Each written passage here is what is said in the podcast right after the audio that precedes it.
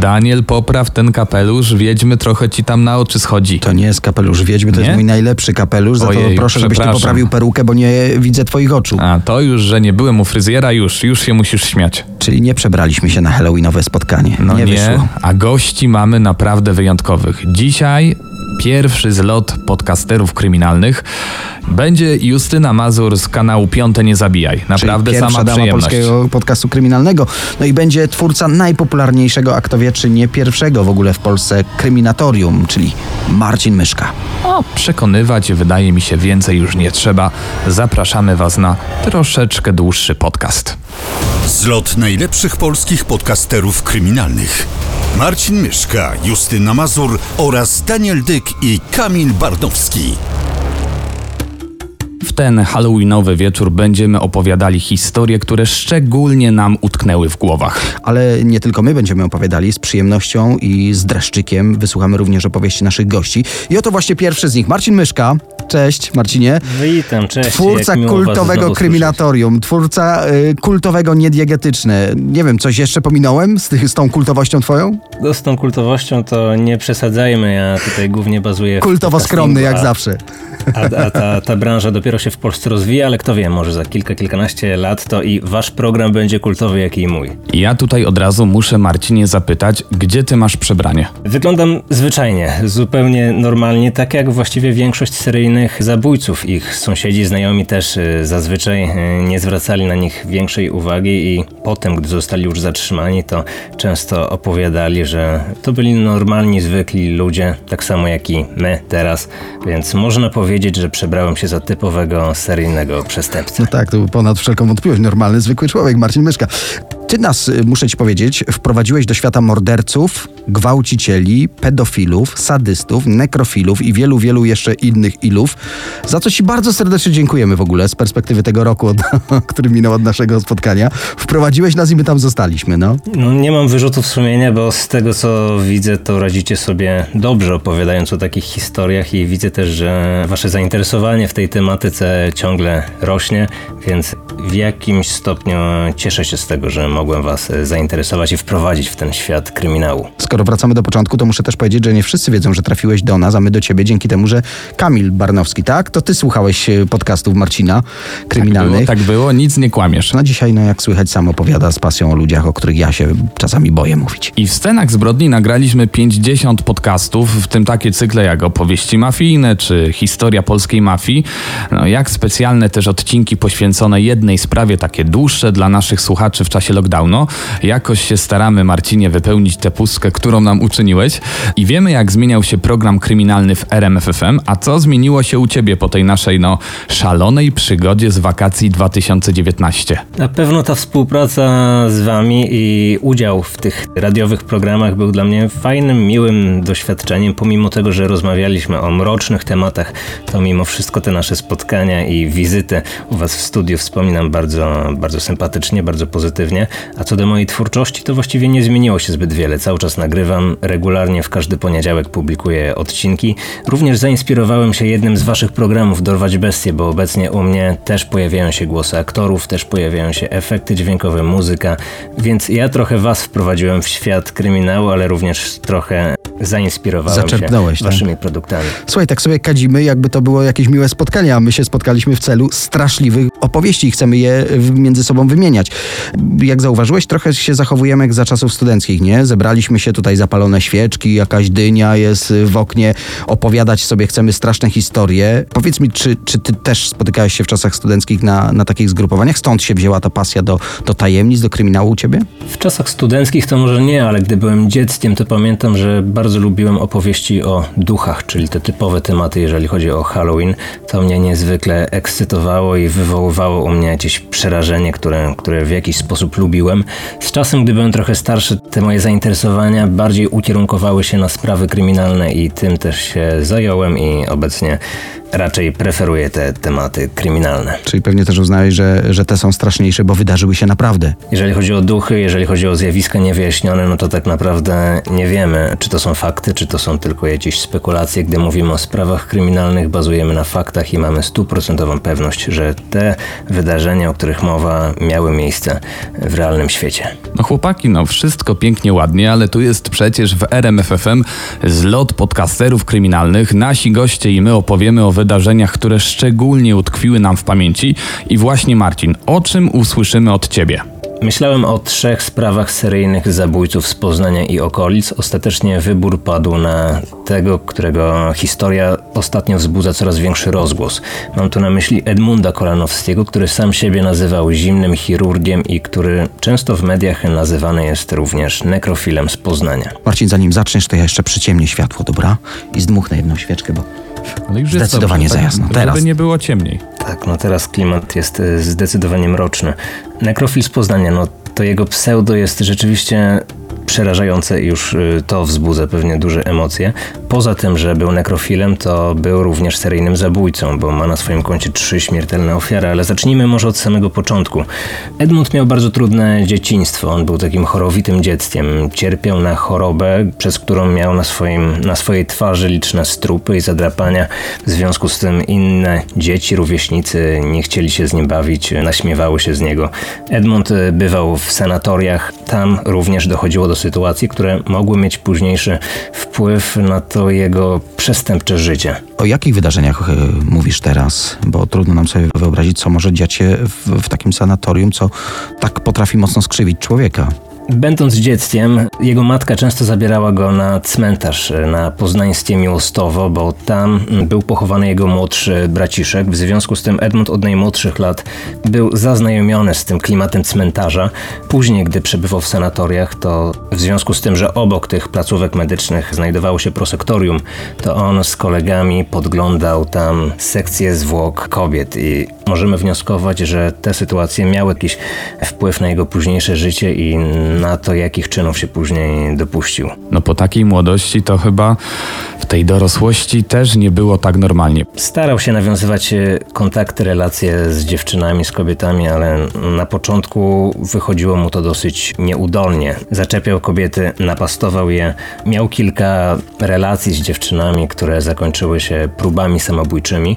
Ostatecznie jednak znalazł kobietę, z którą wziął ślub. Ta kobieta urodziła mu dwójkę dzieci, dwie córki, jednak pomimo tego Edmund cały czas napadał na inne kobiety.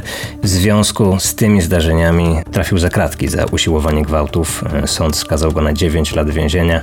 Wyszedł trochę wcześniej, jednak w czasie tej swojej odsiadki żona zdecydowała się od niego odejść i on musiał znaleźć nową kobietę i rozpocząć życie od nowa. Mimo wszystko miał w miarę udany związek, jednak ta przeszłość dawała bardzo mocno o sobie znać. Powiedziałeś, że ślub i dwie córki, a ten kolejny związek? E, No właśnie, no z pozoru wiódł normalne życie, ale jednak coś ciągnęło go do tej przestępczej, mrocznej e, strony. Gdy wyszedł z więzienia, związał się z inną kobietą, żyli w konkubinacie i wtedy zamieszkali po jakimś czasie na ulicy Wodnej. To jest właściwie samo centrum miasta. Osoby z Poznania dobrze te ulice kojarzą, a dla osób nie z Poznania mogę podpowiedzieć, że kamienica, w której mieszkał Edmund, znajduje się zaledwie minutę, może dwie minuty drogi od miejsca, w którym widać słynne koziołki, więc samo centrum miasta.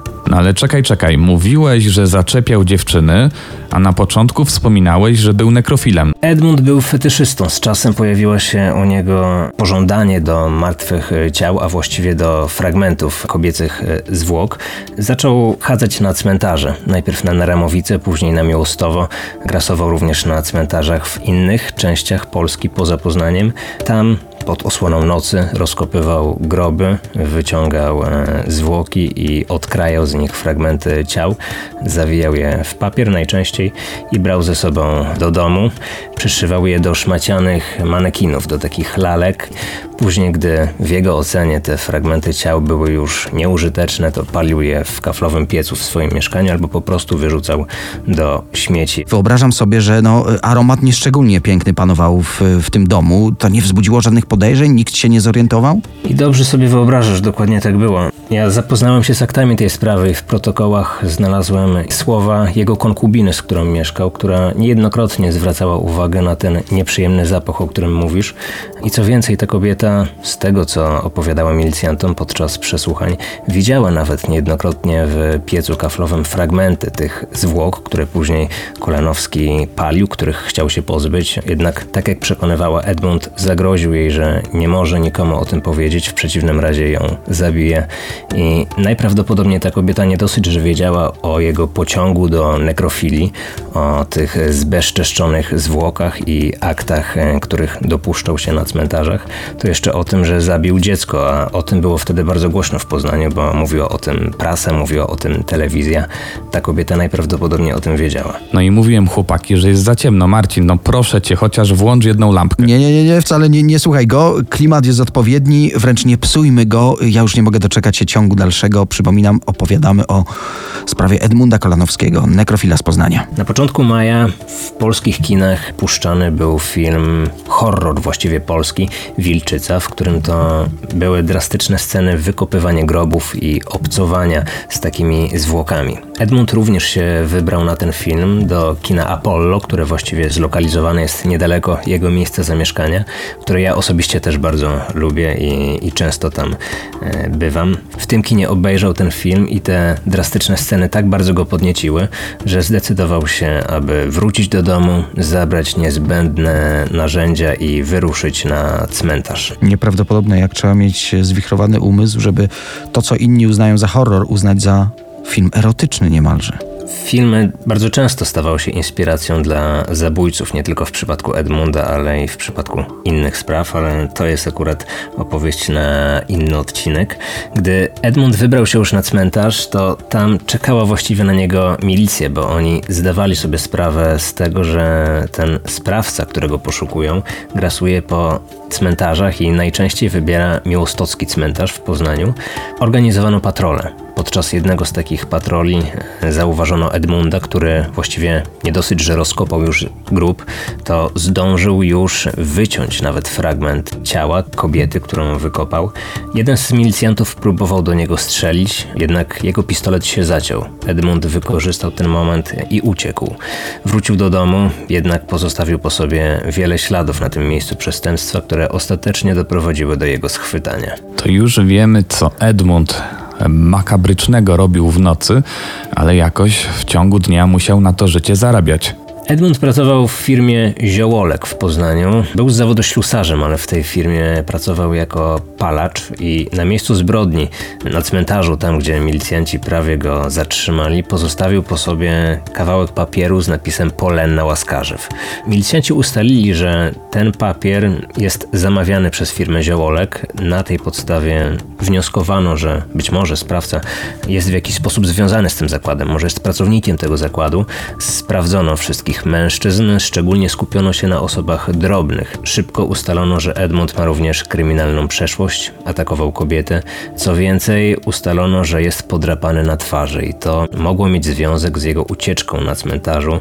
Został wytypowany jako sprawca i niedługo później to się potwierdziło, bo po zatrzymaniu Edmund przyznał się do ataków nekrofilii, ale nie chciał przyznać się do zabójstwa. No właśnie, aresztowanie to jedno, połowa drogi, można powiedzieć, bo najważniejszy jest proces, yy, no i śledztwo, ciąg dalszy zbierania dowodów. Zaczęła się mozolna praca, aby udowodnić Edmundowi zarówno te akty nekrofilii, jak i zabójstwo, bo co do tego nie było żadnych wątpliwości. Ten podpis, jaki pozostawił na okaleczonym ciele dziewczynki, był na tyle charakterystyczny, że wszyscy wiedzieli, że, że to on jest odpowiedzialny za te zbrodnie.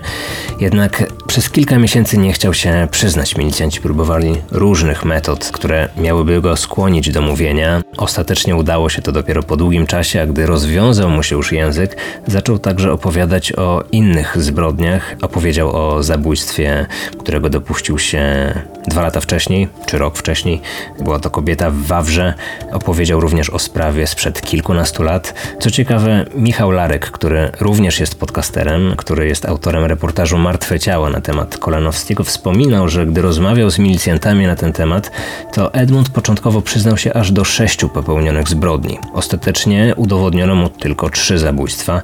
Kto wie, może tych zbrodni jednak było więcej, ale ostatecznie nie udało się zebrać na tyle mocnego materiału, który pozwoliłby na skazanie go również za inne przestępstwa.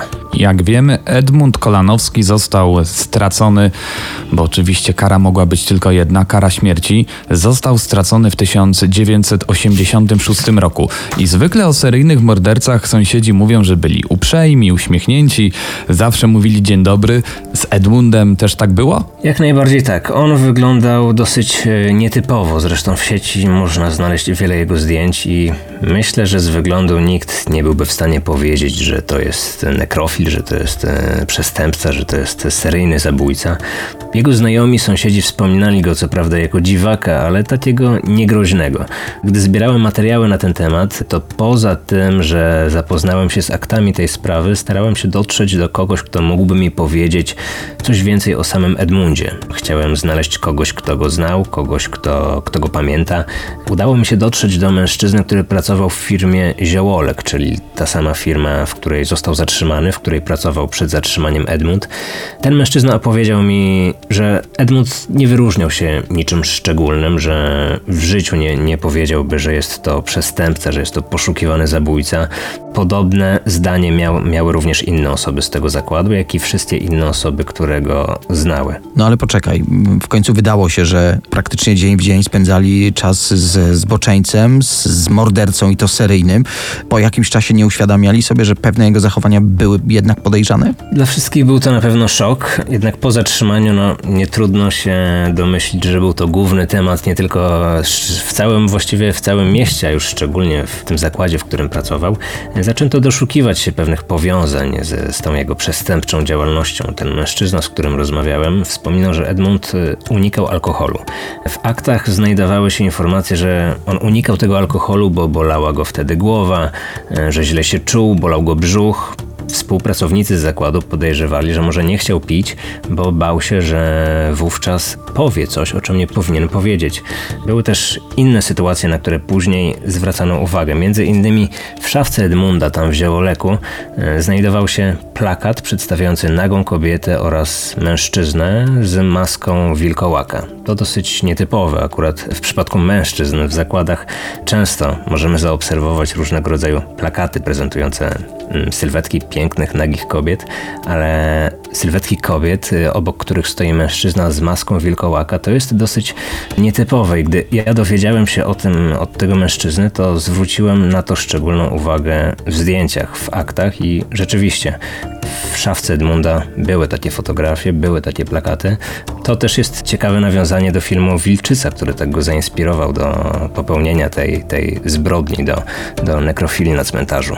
Marcin Myszka w opowieści o seryjnym mordercy Edmundzie Kolanowskim. No Daniel, naprawdę wiedzieliśmy kogo zaprosić. Dał Przychylam radę. się do twojej opinii, że potrzebujemy włączyć światło w naszym studio. Pewnie w waszych domach y, macie to samo. Marcin Myszka, Kryminatorium Niediegetyczne i te wszystkie inne podcasty fantastyczne polecamy. Marcinie, mam nadzieję także, że zostaniesz z nami, posłuchasz y, spraw, które nam nie dają zasnąć, a właśnie w taki halloweenowy wieczór nie ma lepszej okazji, by właśnie o tych tematach powspominać. No i poczekaj, y, proszę, na kolejnego z naszych podcastowych gości. Pewnie jestem bardzo ciekawy zarówno Waszych historii, jak i historii kolejnego e, gościa. Dziękuję za zaproszenie, było mi bardzo miło.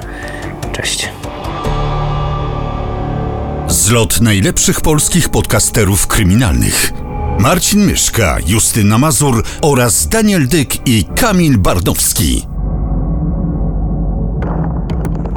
A my wracamy do zlotu podcasterów kryminalnych i większości wydaje się, że to całe Halloween to takie no strachy na lachy, ale niestety w tym czasie wydarzyły się też prawdziwe kryminalne zbrodnie. Czuję, że powinniśmy tutaj opowiedzieć o morderstwie Meredith Kercher. To jest bardzo głośna sprawa z Włoch.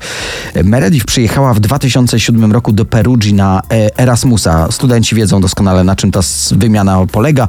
Dobrze odnalazła się w nowym miejscu. Miała sporo nowych znajomych, jednak jej włoski sen został brutalnie przerwany. Niestety wyglądało to tak, że 2 listopada 2007 roku włoscy karabinierzy znaleźli ją martwą w pokoju, który właśnie ona wynajmowała. Meredith Kercher została zamordowana, a napastnik zadał jej 40 ciosów nożem. Dodajmy, że główną podejrzaną w tej sprawie była współlokatorka zamordowanej dziewczyny, Amerykanka Amanda Knox oraz jej chłopak. Rozpoczęło się no, medialne piekło wokół tej dziewczyny. Połowa osób, która zetknęła się z tą sprawą, od razu wydała wyrok i uznała Amerykankę za absolutnie winną. Była oczywiście druga strona sporu, która broniła jej do samego końca. No, więcej, Amanda stała się wręcz celebrytką we Włoszech, a tragiczne show przypominało tę sprawę zaginionej Madeleine McCann. Transmisje na żywo z sali rozpraw, tłumy dziennikarzy i reporterzy, którzy śledzą każdy krok Amerykanki. Tylko, że w tej medialnej przepychance chodziło o sprawiedliwość dla zamordowanej, ale także o wyrok dla prawdziwego sprawcy, a nie dla jakiegoś przypadkowego kozła ofiarnego. Dodajmy, że Meredith Kercher zamordowano w nocy z 1 na 2 listopada, bardzo blisko Halloween. Kobieta trenowała karate, dlatego śledczy są przekonani, że w morderstwie uczestniczyły minimum dwie osoby. No tak, jednemu napastnikowi y, po szkoleniu karate pewnie dałaby radę. Ostatecznie jednak winnym morderstwa został uznany jeden, Rudy Herman Gede. To jego ślady znaleziono na poduszce zamordowanej i one przesądziły o tym wyroku, ale tak naprawdę do dzisiaj nie wiemy, jak wyglądała ta feralna noc. Jedno jest pewne, po ośmiu latach burzliwego śledztwa i czterech latach spędzonych w więzieniu przez Amerykankę, Amanda Knox została oficjalnie uznana za niewinną. Kobieta napisała książkę ze swoimi wspomnieniami, powstały nawet o niej dwa filmy i uwaga, nie przez przypadek ta historia trafiła na zlot podcasterów kryminalnych. Pani Amanda Knox jest autorką dwóch podcastów kryminalnych, a jeden z nich nosi tytuł The Truth About True Crime. Dobra, dobra, ale a propos zlotu podcasterów, to mamy tutaj jednego pod ręką. Kamil Barnowski, y, obiecałeś nam historię, która y, tobie spędzała sens powieka, może nadal spędza. Co to za historia? Mam przed sobą komunikat kanadyjskiej policji z miasta Medicine Hat, dokładnie z 23 kwietnia 2006 roku. No to już wiele wyjaśni. Pokaż. Pozwolisz, że dwa słowa w takim razie. W niedzielne popołudnie w jednym z budynków położonych na terenie osiedla domków jednorodzinnych znaleziono trzy martwe osoby. Jak ustalono, ciała należą do małżeństwa Richardson i ich ośmioletniego syna. Poszukujemy 13-letniej Jasmine, córki państwa Richardson, która też może być w niebezpieczeństwie. Jak usłyszeliście, zamordowano całą rodzinę. Początkowo śledczy uważali, że napastnik mógł też porwać dziewczynkę. Ale zacznijmy tę historię od początku. Państwo Richardson przeprowadzili się do miejscowości Medicine Hat w 2003 roku. Sąsiedzi wspominają, że byli kochającą się rodziną, bardzo spokojną, nie stwarzali żadnych kłopotów. Wspomniana Jasmine Richardson chodziła do elitarnej katolickiej szkoły, uczyła się bardzo dobrze, no uśmiechnięta, towarzyska dziewczyna. Ale w pewnym momencie jej zachowanie kompletnie się zmieniło. Wyzywający makijaż, zaczęła ubierać się na czarno, naszyjnik z pentagramem na szyi, kolczatka na ręku, wyglądała bardziej na dorosłą dziewczynę niż na dwunastolatkę, którą była. Zamiast przystojnych aktorów wolała białą magię i staroindiańskie wierzenia.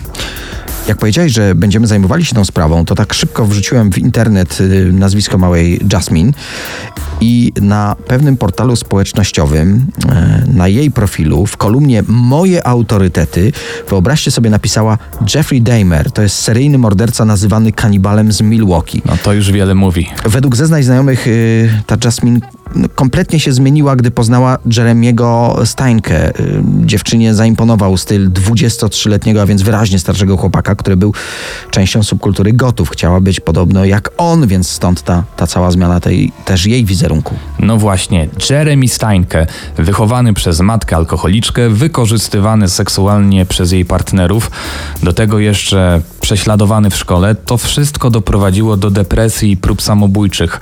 W końcu odrzucony przez świat przyjmuje pseudonim 300-letni wilkołak.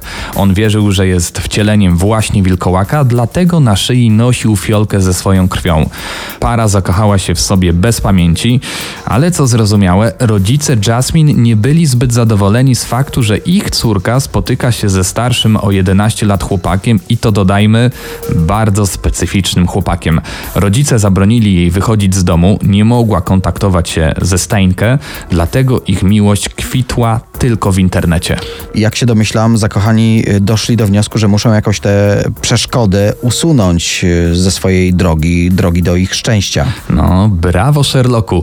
Zacytuję jedną z wiadomości, która Jasmine napisała do Jeremiego Steinke. Mam taki plan. Zaczyna się od tego, że ich zabijamy, a kończy się na tym, że mieszkam z tobą. Dodajmy, chłopak zupełnie oszalał na punkcie tej dziewczyny, był gotów zrobić dla niej absolutnie wszystko. Jasmine rozmawiała nawet ze swoimi przyjaciółmi o planach zamordowania rodziców. Wszyscy jednak sądzili, że to tylko głupie żarty pasujące do jej nowej stylizacji. Niestety, jak się pewnie domyślacie, prawda okazała się o wiele bardziej brutalna. Jeremy Steinke, ubrany w maskę, wszedł przez okno do domu rodziny Richardson.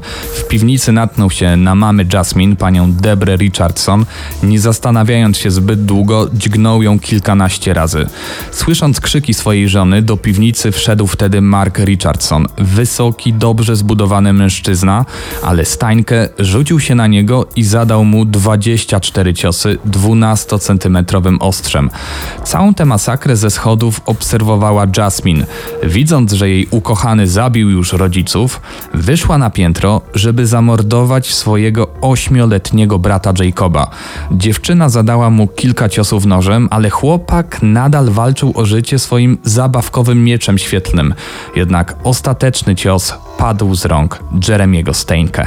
No i tak jak wspominaliśmy, gdy policja przyjechała na miejsce tej okrutnej zbrodni, wszyscy byli przekonani, że Jasmine musiała zostać porwana przez mordercę. Że to ona jest ofiarą, a prawda była taka, że po wszystkim para zjadła romantyczną kolację w restauracji, potem uciekli do miejscowości Lider oddalonej o 130 km od domu państwa Richardson, a tam świętowali swój sukces. Upragniona wolność kochanków nie trwała jednak długo, bo policja zatrzymała ich już następnego dnia, dokładnie 24 kwietnia 2006 roku. Wkrótce po aresztowaniu Steinke poprosił listownie Jasmine o rękę, a ona oczywiście się zgodziła. Wspomniałeś o ich korespondencji tutaj listownej, ale właśnie bardzo ważnymi dowodami w tej sprawie była korespondencja mailowa, y, czy też na komunikatorach między oskarżonymi, na portalach społecznościowych. Z tych wiadomości jednoznacznie wynika, że to właśnie Jasmine zmanipulowała swojego chłopaka i to ona namówiła go do tego morderstwa. Zdecydowanie to ona była mózgiem całej operacji. Steinke prosił nawet swoich znajomych o pomoc w zabijaniu, bo bał się, że jeśli tego nie zrobi, że jeśli nie zamorduje rodziców dziewczyny, to Jasmine go po prostu zostawi. Warto też dodać, że podczas śledztwa ta nastoletnia dziewczyna zeznała, że zabiła swojego brata, uwaga, ponieważ pozostawienie go bez rodziców byłoby zbyt okrutne. W 2007 roku Jasmine Richardson została skazana za trzy morderstwa na 10 lat więzienia. Dodajmy, że w kanadyjskim kodeksie prawnym po prostu nie ma większej, bardziej surowej kary dla, dla małoletnich. W momencie ogłoszenia wyroku ma zaledwie 13 lat i jest najmłodszą osobą, która kiedykolwiek została skazana w Kanadzie za wielokrotne morderstwo. Jeremy Steinke usłyszał wyrok potrójnego dożywocia bez możliwości wcześniejszego zwolnienia. Jeszcze coś, co ciągle siedzi mi w głowie. Jeremy Steinke, zapytany przez śledczych, dlaczego zamordował rodzinę Jasmine, odpowiedział: Jeśli kogoś naprawdę kochasz, to zrobisz dla niego absolutnie wszystko. Dodajmy, że Jasmine Richardson wyszła na wolność 6 maja 2016 roku. Jej terapia resocjalizacyjna przyniosła ponoć pełen sukces. Według sędziego istnieje bardzo małe prawdopodobieństwo popełnienia ponownego przestępstwa. Zresztą posłuchajcie sami, co powiedział sędzia ułaskawiający dziewczynę. Myślę, że twoi rodzice i brat byliby z ciebie dumni. Oczywiście nie możesz cofnąć przeszłości, jednak możesz żyć ze świadomością, że kontrolujesz swoje zachowanie i to, co robisz każdego dnia. No, ciekawym wątkiem w tej sprawie jest jeszcze film Natural Born Killers, y, czyli Urodzeni Mordercy, w którym para zakochanych zostaje seryjnymi mordercami. Według różnych źródeł Jasmine i Jeremy obejrzeli ten film dosłownie dwie godziny przed morderstwem. Mieli nawet powiedzieć swoim znajomym, że muszą działać w podobny sposób, tylko jeszcze bardziej brutalnie.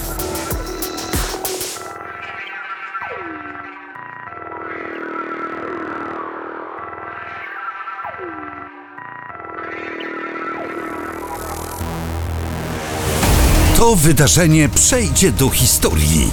Zlot najlepszych polskich podcasterów kryminalnych w RMFFM. Czas na kolejnego gościa. Pierwsza dama, absolutnie to, ten tytuł się należy. Pierwsza dama polskich historii kryminalnych, Justyna Mazur z kanału Piąte Nie Zabijaj. Witamy cię bardzo serdecznie.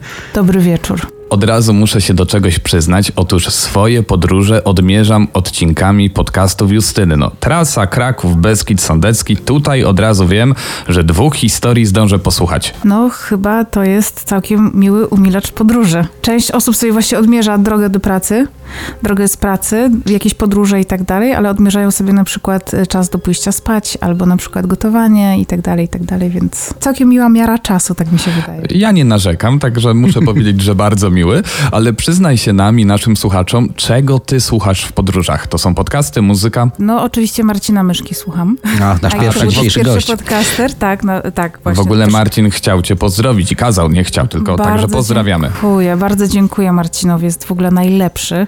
Marcin, słyszysz? powiedzieć- Marcin jest przy radiu Tak. i słucha na, naszego spotkania. Najlepszy.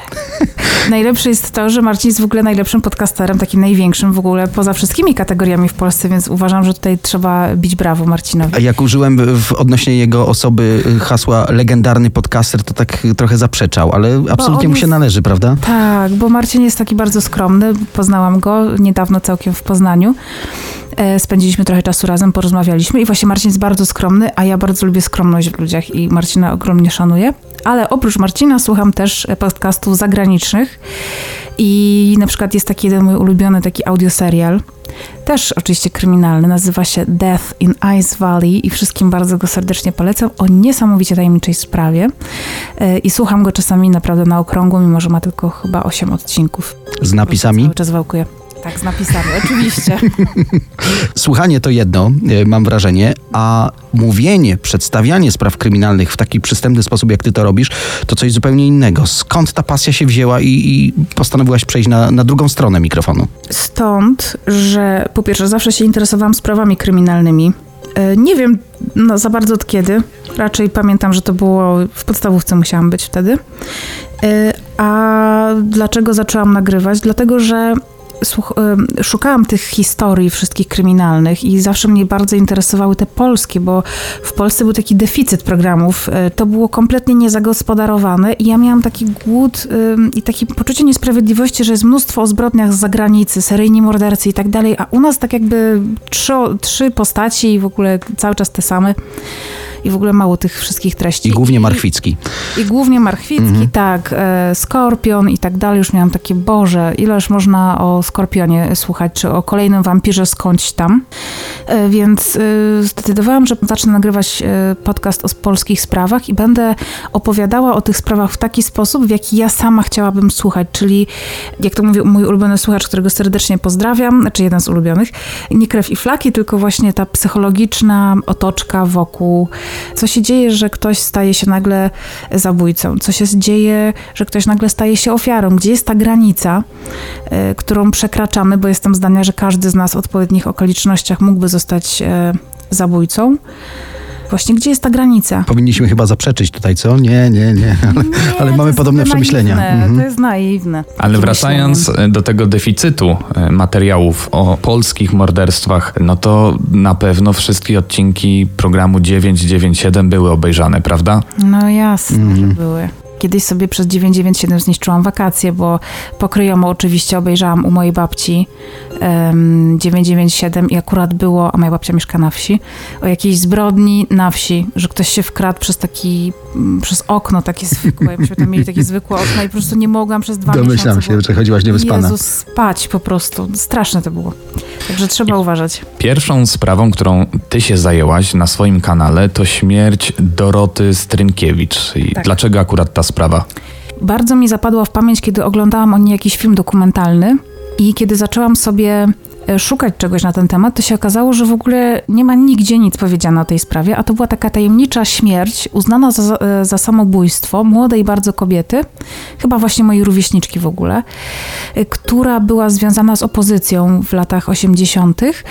I kiedy przeprowadziłam się już do Warszawy i ja jeszcze mam taką pasję, że się bardzo interesuję w ogóle architekturą, ale taką blok, blo, bloki bardzo lubię i beton i tak dalej.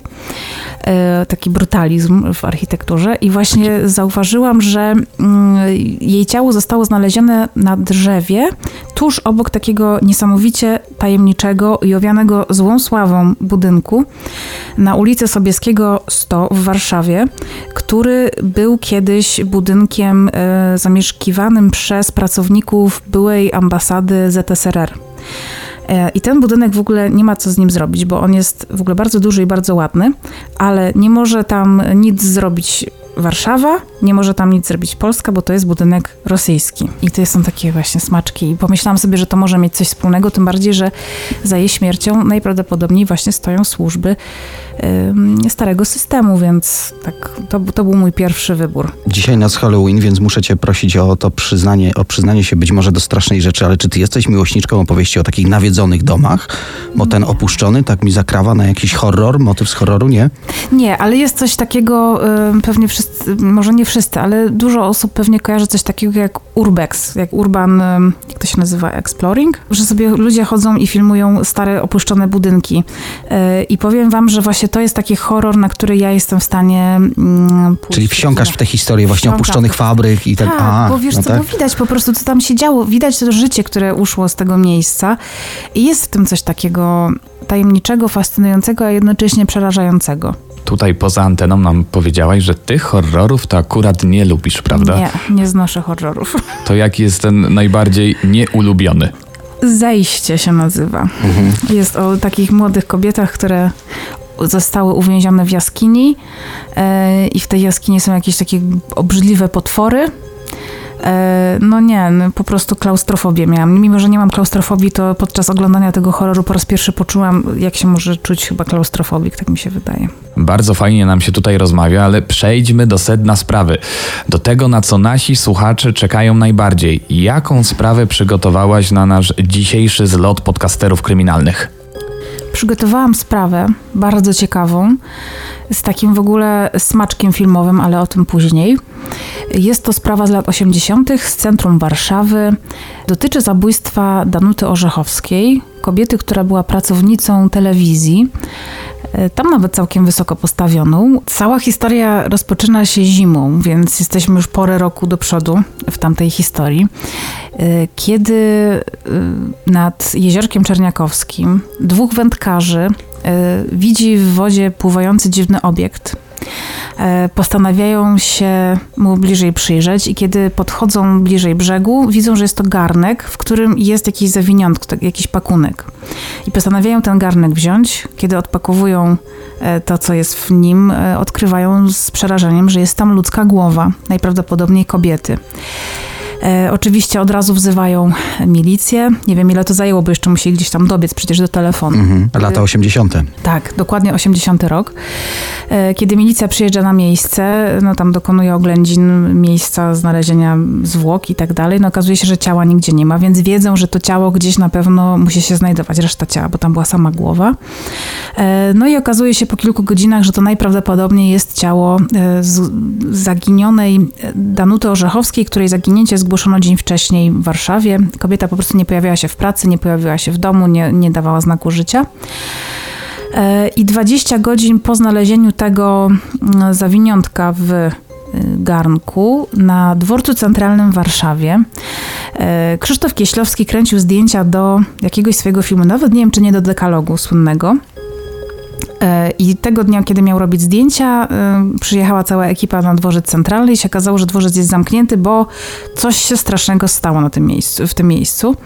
I wyobraźcie sobie, że owszem, tak było, ponieważ e, okazało się, że w dwóch skrytkach na bagaż było coś, co straszliwie śmierdziało. Ludzie się skarżyli na to, że po prostu coś cuchnie na tym dworcu, więc przyjechała milicja, była przekonana, że tam po prostu ktoś wiózł jakieś mięso ze wsi i zostawił je tam, zapomniał odebrać, to mięso tam zgniło i tak dalej.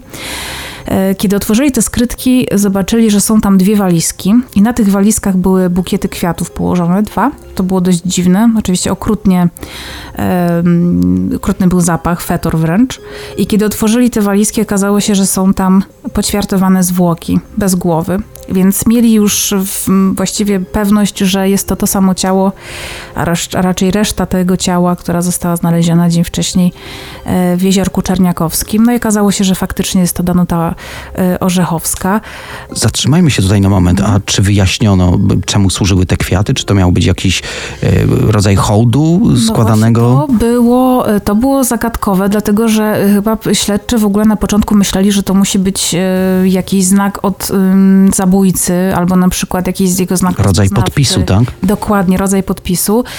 I obawiali się, że tych zwłok zaczną znajdować e, coraz więcej. Więc ym, nie łączyli tego z nikim innym, e, bo nie, nie mieli w bazie nikogo takiego, kto podobnie, nie wiem, gdzieś tam ukrywał zwłoki. Natomiast, natomiast byli przerażeni, że jest to początek jakiejś serii, bo tak to wyglądało. Tym bardziej, że dodam tylko, że zwłoki były poćwiartowane w iście precyzyjny, wręcz medyczny sposób, ponieważ z kolan były wycięte rzepki kolanowe w ogóle, e, co jest podobno jakimś ultra precyzyjnym zabiegiem chirurgicznym e, i nawet taki zwykły człowiek, nawet taki, który był z biologii asem, em, to nie wie, że, że to można zrobić i że to bardzo ułatwia tam pakowanie. Właśnie, zostańmy tutaj na chwilę. E, Dokąd prowadziły te pierwsze tropy? Kto był na liście podejrzanych? Nie wiem, opowiadałaś właśnie o tej rzepce, to ktoś z jakimś wykształceniem medycznym, Medycznym, albo, e, miesz- albo pracujący na przykład w jakiejś masarni? Y, Tak, oczywiście, że tak było. Okazało się bardzo szybko, że pani Danuta była mm, świeżo po rozstaniu z mężem swoim, y, który odszedł i już miał nową rodzinę. Czy jeszcze nie miał jakby rodziny założonej, nie miał ym, nowych dzieci, ale y, żył już jakby w nowym domu i oczywiście był pierwszym podejrzanym. No, Stara bo zasada mówi, że zazwyczaj jest Tak. ktoś z rodziny, a Ktoś- najpewniej ktoś z mąż. Ale okazało się szybko, że miał jakieś tam niezbite alibi, nie miał też motywu, bo on po prostu się bardzo cieszył, że już tą kobietą nie jest.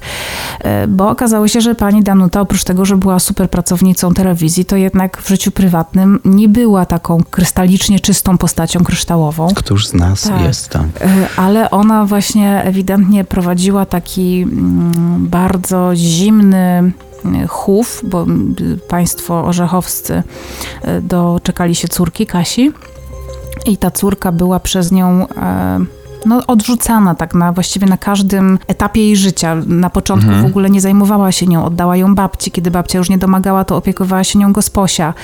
Ojciec bardzo kochał Kasię, ale y, no, po prostu nie był w stanie wytrzymać z matką i też matka nie zgodziła się na to, żeby dziecko poszło do ojca, więc ta Kasia była na mamę skazana. No i była po prostu taką dość okrutną, chłodną, zimną postacią, więc e, szukano też e, przede wszystkim zabójcy wśród jej współpracowników. Może komuś zaszła za skórę, może dla kogoś była mm, niemiła, może komuś zablokowała jakiś awans. No były też takie czasy, gdzie bardzo łatwo było kogoś e, zadenuncjować, Anonimem. zniszczyć mu, tak, y, anonimem i można było po prostu komuś zniszczyć życie. Tym bardziej, że wtedy były bardzo duże społeczne niepokoje. w- To jest tuż przed stanem Rok wojennym. 80, dokładnie tak powiedziałaś. PRL Tak. głęboki, tak. Tak, więc no, y, atmosfera była średnia, ym, więc takich y, potencjalnych y, zabójców y, pani Danuty no, było mnóstwo. Na kimś w końcu śledczy musieli się skupić, jak tak, było w tej skupili sprawie. się, skupili się. E, I tutaj skupili się w taki sposób, że mm, Mm, przez przypadek właściwie to oczywiście się wydarzyło. Mówię oczywiście, bo tak często bywa. Otóż policja, czy milicja, przepraszam, była wtedy mm, już tak zrozpaczona, że nic się w tym śledztwie nie posuwa do przodu, e, że opublikowała zdjęcie e, w gazecie tych walizek, w których zostało znalezione ciało pani Danuty e, i Pewnego dnia kobieta, która mieszkała w tej samej kamienicy co pani Danuta, mm, zobaczyła te, to czasopismo yy, i stwierdziła, że ona chyba wie, kto jest zabójcą. Yy, ponieważ w dniu, w którym pani Danuta zaginęła, yy, widziała, jak z jej mieszkania e, z kamienicy wychodzi pewna postać z dwiema takimi walizkami, no, łudząco podobnymi do tych, które zostały znalezione na dworcu. No i pewnie jesteście ciekawi, kto te walizki niósł. Pani Danuta wynajmowała pokój e, jednemu z e, robotników czy inżynierów w jakiejś fabryce w Warszawie. On pochodził z Płocka. Więc milicjanci, jak tylko usłyszeli, że ta sąsiadka coś widziała, to byli pewni, że jest to ten wynajmujący mieszkanie. Ale okazało się, że wynosząca walizki była córką pani Danuty. Była to Kasia, 17-latka chyba wówczas która y, bardzo się z nimi mocno siłowała i wkładała te walizki do taksówki. Nawet sąsiadka, która ją mijała, chciała jej pomóc, ale ona stwierdziła, że nie. Co mi bardzo przypomina też, y, nie wiem czy wam również, historię Kajetana Poznańskiego, też warszawskiego zabójcy, który mhm. też przecież ze zwłokami swojej ofiary przejechał przez całą Warszawę taksówką. Kasia przez całą noc zastanawiała się, co zrobić z ciałem. Postanowiła je w końcu poćwiartować i rozrzucić po Warszawie, tak chciała, ale stwierdziła, że jednak jest y, za słaba po prostu, żeby nieść kilkudziesięciokilogramowy pakunek, więc postanowiła po prostu głowę wyrzucić do jeziorka Czerniakowskiego, a y, ciało umieścić w tych skrytkach bagażowych. E, skąd wiedziała, jak tak precyzyjnie poćwiartować? Czy e, siedemnastolatka w końcu, czy ona to też... To jest pytanie, na które nie udało się odpowiedzieć e, podczas procesu i w ogóle podczas śledztwa. Najpierw powiem w ogóle, jak do tego doszło. To był dzień jak co dzień. Tak jak wcześniej powiedziałam, matka nie była zbyt dobra dla Kasi, pani Danuta.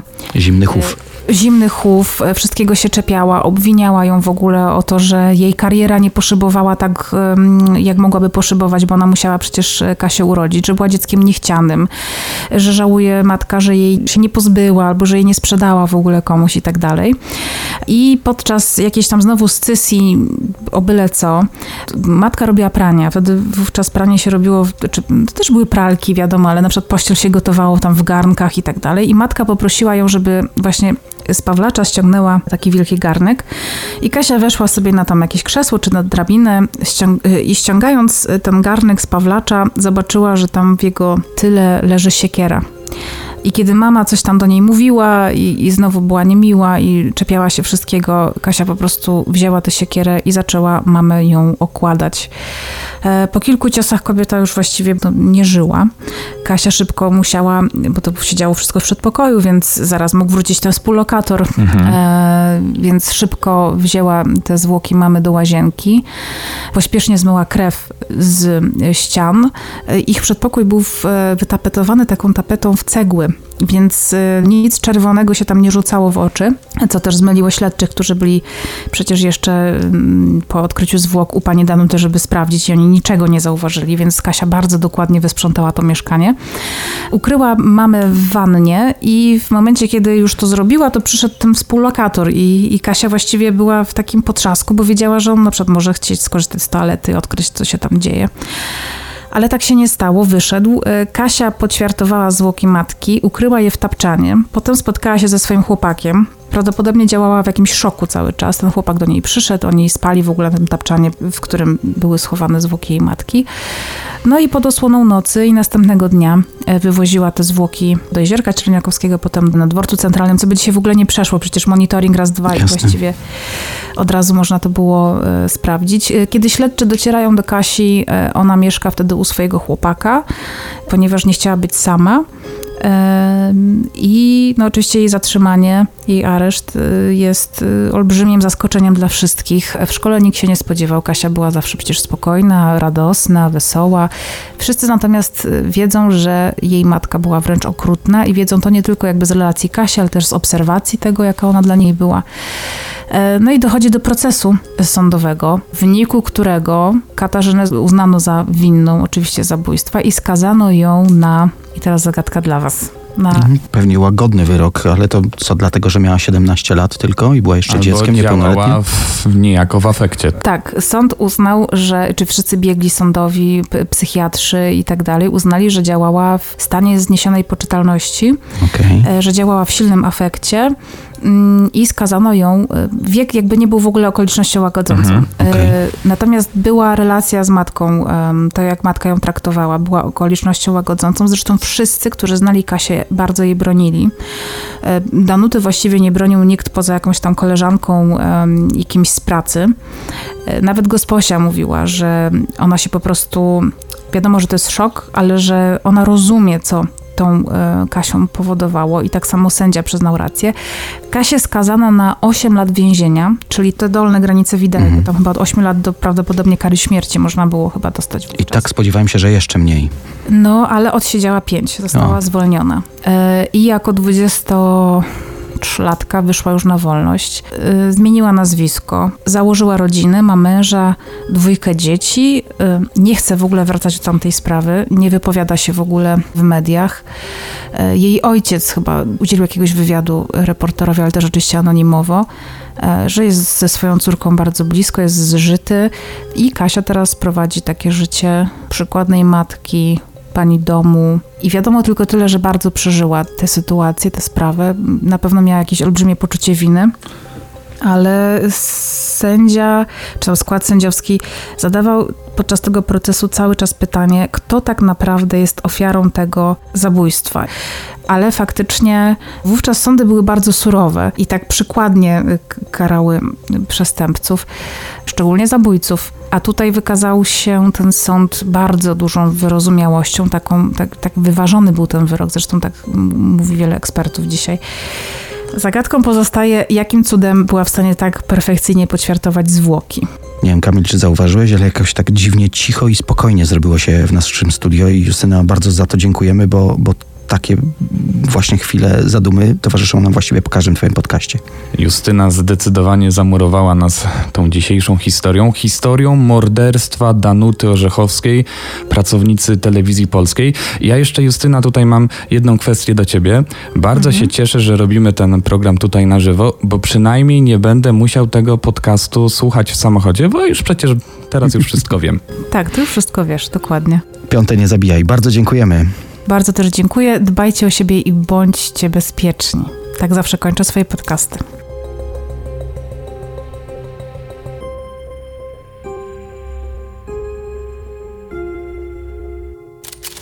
Zlot najlepszych polskich podcasterów kryminalnych. Marcin Myszka, Justyna Mazur oraz Daniel Dyk i Kamil Barnowski.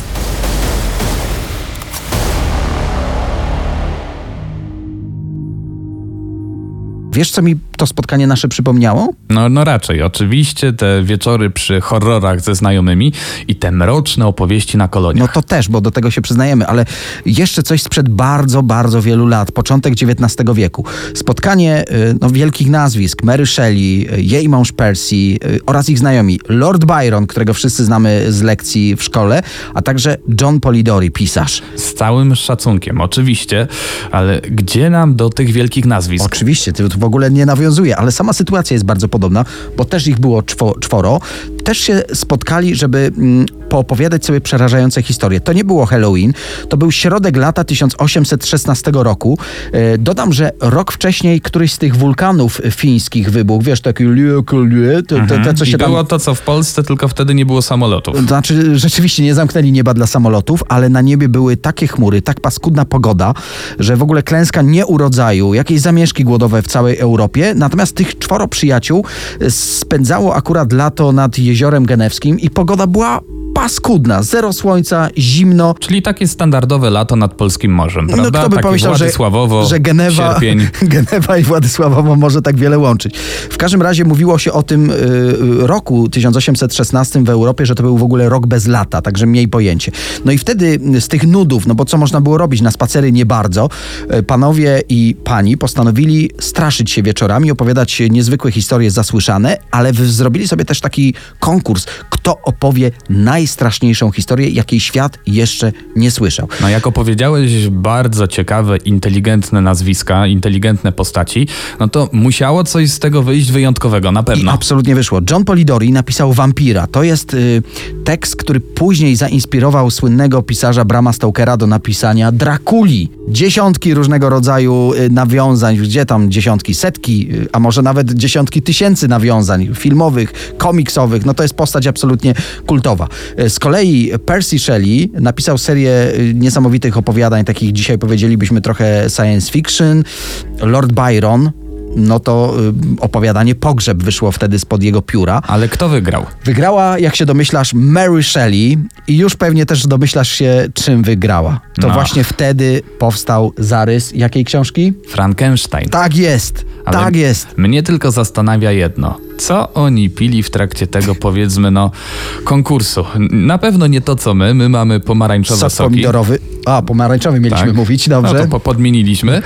Y, A teraz przyznaj się, jaką ty historię przygotowałeś na nasz dzisiejszy zlot podcasterów kryminalnych. Słuchajcie, kiedy, kiedy myślałem o tym, co wybrać, no to rzeczywiście jest taka historia. Ja jestem ojcem, więc jestem niezwykle wrażliwy na krzywdę, jaka dzieje się dzieciom i przygotowałem historię, która moim zdaniem będzie najbardziej przerażająca, chociaż po tym, co do tej pory usłyszeliśmy, już tego absolutnie pewny nie jestem. Czas na ostatnią historię, niezwykłą, e, zaginięcia niespełna trzyletniego chłopca z Wielkiej Brytanii. Bardzo głośna sprawa w latach 90. i choć zaczyna się jak wiele innych, kończy się niezwykle dramatycznie. Dla mnie nie do pomyślenia, że ktoś mógł coś takiego zrobić. Zacznijmy jak to w scenach zbrodni od początku. Tak.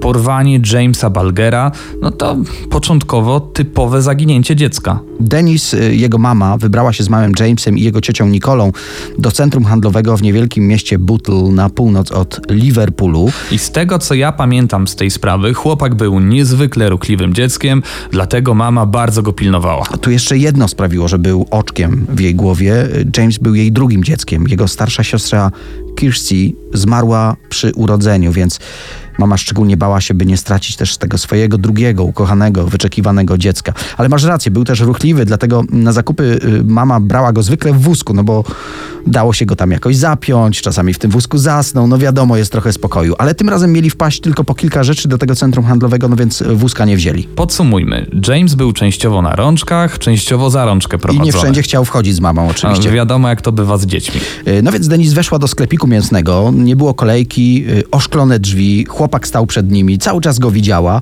Oczywiście prawie cały czas, bo musiała wybrać mięso, musiała zapłacić. Gdy się odwróciła po tych kilkunastu, może dwudziestu paru sekundach, już go nie było przed drzwiami. Denis nie wiedziała jeszcze wtedy, że 12 lutego 1993 roku około godziny 15.40 widziała synka po raz ostatni. No, domyślamy się, że najpierw spanikowała, jak to zwykle rodzice, szukała go, a w końcu zgłosiła zaginięcie ochronie sklepu. Rzeczywiście matka przeszukiwała okoliczne stoiska, szukała także Jamesa na ulicy przed centrum. E, W końcu, jak powiedziałeś, zawiadomiła ochronę. Ta przeszukiwała parter centrum handlowego. No przecież to nie pierwsze zaginięcie w centrum handlowym, więc do sprawy na pewno podeszli rutynowo. Jednak nie było tutaj rutynowego finału poszukiwań. Nikt nie ogłosił, synek czeka przy kasie. Synek się nie odnalazł. Powiadomiono y, policję. W końcu zamknięto galerię handlową na całą noc. W tym czasie przeszukiwano pomieszczenie po pomieszczeniu. Sprawdzano każdy kąt, a policja z uwagą przeglądała monitoring. I właśnie z zapisu kamer monitoringu wiemy, że w tym czasie, gdy, gdy szukano chłopca na parterze tak rutynowo, jak zauważyłeś, James był na piętrze i wyszedł sobie spokojnie z galerii handlowej. Dlatego następne działania policji skupiły się na przeszukiwaniu okolicy wokół centrum. Na miasto wyjechały radiowozy z megafonami, tam poszła informacja, kogo szukają, podawano rysopis, w telewizji puszczano nagrania y, z monitoringu. w stylu- Ktokolwiek widział, ktokolwiek wie, tak to proszony o wyglądało. kontakt, oczywiście. Równocześnie sprawdzano opuszczone budynki. Może tam wszedł, może gdzieś zmęczony zasnął, może wpadł do jakiegoś kanału. Sprawdzano też pobliskie tereny kolejowe. No, wiadomo, chłopaki lubią ciuchcie, też lubiłem. Może skusił go odgłos pociągu i wybrał się tutaj bez mamy, żeby spokojnie sobie na nie popatrzeć. I właśnie tutaj na drugi dzień od zaginięcia, wyobraźcie sobie, znaleziono Jamesa, a właściwie na jego y, szczątki trafili przypadkowi przechodnie. Y, szczątki były w stanie, w którym trudno było rozpoznać tego uśmiechniętego chłopaka ze zdjęć, jakie pokazywały telewizje. Ciało było zmasakrowane, przecięte na pół przez przejeżdżający pociąg. No to mamy dramatyczny wypadek. Chłopak przyszedł oglądać te pociągi i niestety jeden z nich go potrącił. No dokładnie tak to wtedy wyglądało. Tak też myśleli śledczy. Jednak prawda okazała się zupełnie inna. Autopsja, y, zabezpieczone ślady na, na miejscu tego wypadku wykazały, że James był przed śmiercią długo i bestialsko torturowany. Ale to jeszcze nic. Prawdziwy horror mamy, gdy okazuje się, kto stoi za tym bestialskim, bezsensownym morderstwem. Zrobiło to dwóch dziesięciolatków, którzy nudzili się na wagarach. Przypomnijmy, ciągłe zwroty akcji. Najpierw typowe zaginięcie dziecka w galerii. Później okazało się, że chłopak trafił na pobliskie torowisko, gdzie niestety przejechał go pociąg. No, wielki dramat rodziców, bo o tym nie wspomnieliśmy, a w szczególności matki, która go po prostu nie upilnowała na zakupach. Ale śledztwo wykazało, że faktycznie było to uprowadzenie i bestialskie morderstwo, które, i to jest niepojęte, dokonało dwóch dziesięcioletnich chłopców. Mówiliśmy, że nagrania z monitoringu trafiły do telewizji i, i widać było na nich, że James idzie z dwoma nieco starszymi chłopakami. Jeden przed nim, jeden trzyma go za rękę. E, Jedna z kobiet rozpoznała, że e, wśród tych chłopaków jest niejaki John Venables. Pięć dni od porwania ten trop e, sprawdziła policja. John oczywiście zaprzeczał, że ma coś wspólnego z zaginięciem chłopaka, że nic nie wie o żadnym Jamesie, ale gdy policjanci powiedzieli, że mają wszystko nagrane przez kamery, no to wtedy przyznał się i opowiedział, jak było. A było tak, y, tego feralnego dnia John i jego kolega Robert Thompson urwali się ze szkoły. I to nie był pierwszy raz, chłopcy znani byli z trudnego charakteru, jak się mówi, prawda? Uczniach. znam ten typ, ciągle wplątują się w kłopoty, prawda? Mi- Między innymi rzucali kamieniami w okna i rozbijali szyby dla zabawy, chodzili na grandę, kradli owoce z ogródków, chociaż to bym jeszcze nie przekreślał y, człowieka. To nie jest takie złe. To, nie, to, coś mamy tutaj na sumieniu za dzieciaka, ale sąsiad się zgadzał. Y, Natomiast przyłapywano ich też nieraz na, na jakichś drobnych kradzieżach sklepowych. Zdarzało się też im dręczyć zwierzęta. Koledzy widzieli, jak y, rzucali kamieniami do ptaków, jak znęcali się nad kotami. Ale wróćmy do tych wagarów. Początkowo włóczyli się bez celu, a w końcu trafili do galerii handlowej w Butul. Tak, tu kręcili się z kolei po stoiskach i znowu kradli swoim zwyczajem jakieś drobiazgi. Trochę złodyczy, jakieś baterie, zwinęli figurki troli, które wtedy były topową zabawką. Ukradli także niebieską farbę, co będzie miało znaczenie y, dla, dla śledztwa. Ale emocji niestety najwyraźniej było im mało. Tak, w którymś momencie wpadli na pomysł, żeby porwać jakieś dziecko i je zabić. Podkreślamy to. Mówimy o dwóch dziesięciolatkach. Chcą porwać i zabić inne dziecko. Wyobraźcie sobie, że podeszli do jakiegoś chłopaka stojącego samotnie w centrum handlowym. Y, Już właściwie zgodził się z nimi iść, ale wówczas zjawiła się jego mama i ich plan się posypał. Dlatego szukali dalej i tak trafili na niespełna trzyletniego Jamesa Balgera stojącego przy drzwiach sklepu mięsnego. John Venables y, zawołał go Come on boy, chodź tu chłopaku i, właściwie to wystarczyło, by mały poszedł y, ze starszymi kolegami. Nie opierał się, najwyraźniej dziecięca ciekawość wzięła tutaj górę. Wyszli z centrum handlowego, poszli w stronę pobliskiego kanału Leeds-Liverpool. Y, Gdy byli na moście, no tu starsi koledzy zaczęli swoją brutalną grę. Najpierw kazali malcowi uklęknąć i spojrzeć na jego odbicie w wodzie. Tak sobie wykombinowali, że gdy to zrobi, będzie im łatwiej pchnąć go i zrzucić w ten sposób z mostu do kanału. Ale chłopak zaczął się buntować. Nie udało się podstępem, no więc y, postanowili spróbować siłą, złapali go za nogi, odwrócili do góry nogami i rzucili go głową na ziemię.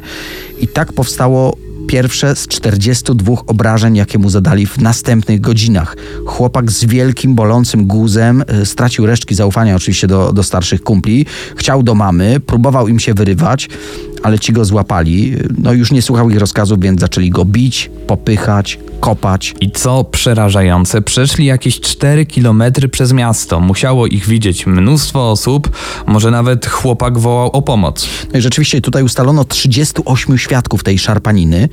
Większość uznała, że to po prostu bracia, że ten mały nie słucha starszego rodzeństwa. Chłopcy doszli w ten sposób do torowiska kolejowego w Walton. E, Położyli Jamesa na torach, bo chcieli z ukrycia oglądać, jak rozjeżdża go pociąg. Ale chłopak ciągle wstawał, próbował uciekać. No wtedy zaczęli się nad nim znęcać, e, dręczyć go, torturować. E, Skradzioną wcześniej niebieską farbę, bo, bo mówiliśmy o tym, wlali mu do oka. Baterie wciskali mu do ust, okładali go stalowym prętem, który gdzieś przy torach znaleźli. Rzucali w niego tymi ostrymi kamieniami z podkładu kolejowego, rzucali w niego cegłówkami, które, które też tam się walały. Skakali po jego ciele, w szczególności skakali po głowie. W końcu rozebrali go od pasa w dół i zaczęli dotykać go w, w miejscach intymnych, poniżać go, naśmiewać się. W końcu jeden z tych y, młodocianych oprawców rzucił w głowę Jamesa kawałkiem stali, który, który służy do łączenia szyn. Taki potężny, dziesięciokilowy kawał stali. Najprawdopodobniej tego ma- małego chłopaka ogłuszył, ale y, zdaniem śledczych żył jeszcze, gdy układali jego ciało z powrotem na torach kolejowych. Tym razem zamaskowali je tak, by maszynista nie widział ich ofiary. No, na pewno wierzyli, że pociąg, który po nim przejedzie, zatrze wszelkie inne ślady ich tortur, tak? Jednak policja znalazła krew na 27 kamieniach w okolicach torów. Na ciele Jamesa odkryto, jak wspomnieliśmy, te 42 ślady uderzeń, połowa to obrażenia głowy. No, te wszystkie niezrozumiałe dla nas bestialstwa opisały następnego dnia gazety. No i wyobraźcie sobie, wściekły tłum chciał zlinczować chłopaków w trakcie, gdy policja wiozła ich na rozprawę. No, dowody były niepodważalne. Przecież monitoring, o którym mówiłeś, odciski palców, krew na butach oprawców no, stali się najmłodszymi skazanymi mordercami w historii brytyjskiego prawodawstwa. Tak, chłopaków y, trochę potraktowane jak dorosłych, skazano ich na więzienie bez określenia długości wyroku. Y, Wielokrotnie tę długość zmieniano, ostatecznie wyszli z więzienia w 2001 roku. No i zmieniono im tożsamość, by nie doszło do linczu po latach. Ale John Venables lubił się chwalić tym, co zrobił. Niewyobrażalne. Sam się przedstawiał prawdziwym nazwiskiem, dwukrotnie wrócił za kratki, między innymi za posiadanie kokainy i za posiadanie dziecięcej pornografii, a w listopadzie 2017 roku dostał kolejny wyrok za przemoc wobec dzieci. Obecnie, o ile nie straciłem tej rachuby, ma już czwartą tożsamość. Detektyw, który przyjął zgłoszenie o zaginięciu małego Jamesa, powiedział: Ta dwójka dobrała się w piekle, wybryki natury. Gdyby nie zostali złapani, obawiam się, że znów by zabili. Czyste zło. Na pogrzebie małego Jamesa były tłumy. Wszędzie zdjęcia, błękitne oczy, blond włosy. Przypominano, jak ruchliwym, wesołym i bystrym był dzieciakiem, że znał już litery, że potrafił liczyć. Przypomnijmy jeszcze, że on uwielbiał tańczyć w stylu Michaela Jacksona. No właśnie, ceremonia pogrzebowa odbyła się do ulubionej piosenki chłopczyka, czyli Heal the World. Ta piosenka stała się także nieoficjalnym hymnem fundacji założonej później przez mamę Jamesa. Michael Jackson dał na to swoją zgodę.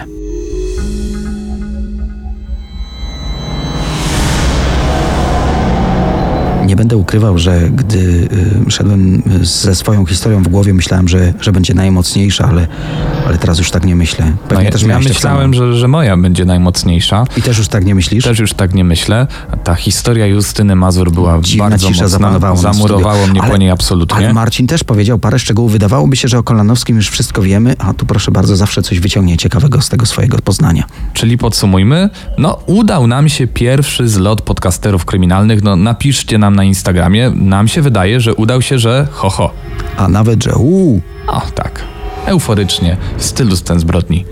Zapraszamy na kolejny odcinek. Daniel Dyk, I Kamil do Bardowski. usłyszenia, papa. Sceny zbrodni w RMFFM.